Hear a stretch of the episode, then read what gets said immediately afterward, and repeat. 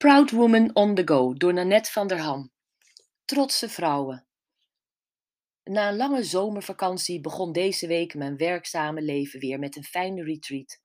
Het was, zoals vaak, een weekend met een lach en een traan. Toen ik op de laatste dag de eettafel rondkeek, zag ik twaalf, stuk voor stuk trotse vrouwen. Proud women. Onder de indruk reed ik naar huis, vol bewondering over de power, de veerkracht, de tolerantie, het incasseringsvermogen, de empathie, de wijsheid van deze vrouwen die elkaar op dag 1 niet kenden, maar op dag 3 bij het afscheid hartelijk in de armen vielen. Met een vriendin praatte ik na. Zoveel vrouwen, zoveel verhalen, zei ik, en niets was weer wat het leek. Wat word ik toch altijd nederig als de eerste indruk helemaal niet blijkt te kloppen, wat me zo vaak gebeurt. Dat de op het eerste gezicht alles voor mekaar hebbende dame een groot verdriet meedraagt, de grootste bek het meest onzeker blijkt, de grappenmaakster haar drama weglacht. Niet iedereen snapt dat ik al die vrouwen met hun eigen aardigheden allemaal in mijn hart sluit, maar ik doe dat echt. Hoe deden onze moeders het toch? vroeg mijn vriendin zich af. Ik heb nooit iets gemerkt aan mijn moeder.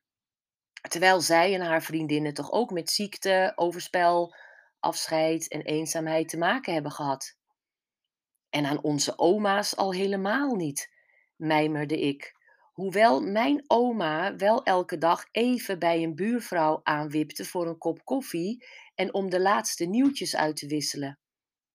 Waarschijnlijk waren deze koffie- en theekransjes de mini-retreats van die tijd en wisten zij lang voor mij al alles over vrouwenpower. Ik moest er vijftig voor worden om de louterende en helende werking van vrouwenenergie op haar waarde te beoordelen. Waar ga je naartoe als je er doodmoe van bent om als alleenstaande vrouw jezelf maar weer zelf aan je pruikje uit het moeras te moeten trekken? Of als je, zoals iemand me eens toevertrouwde, je wel getrouwd bent, maar geen huwelijk hebt je zoekt het gezelschap van andere trotse vrouwen. We schreven al heel jong in onze poesiealbums: Rozen verwelken, schepen vergaan, maar onze vriendschap blijft eeuwig bestaan. Wat ik ooit met een stel vrouwen die belazerd, misleid, tekort gedaan en bedrogen waren, verbasterde tot relaties komen en gaan, maar sisterhood blijft eeuwig bestaan. En daar hieven wij, proud women, dit weekend ons glas op.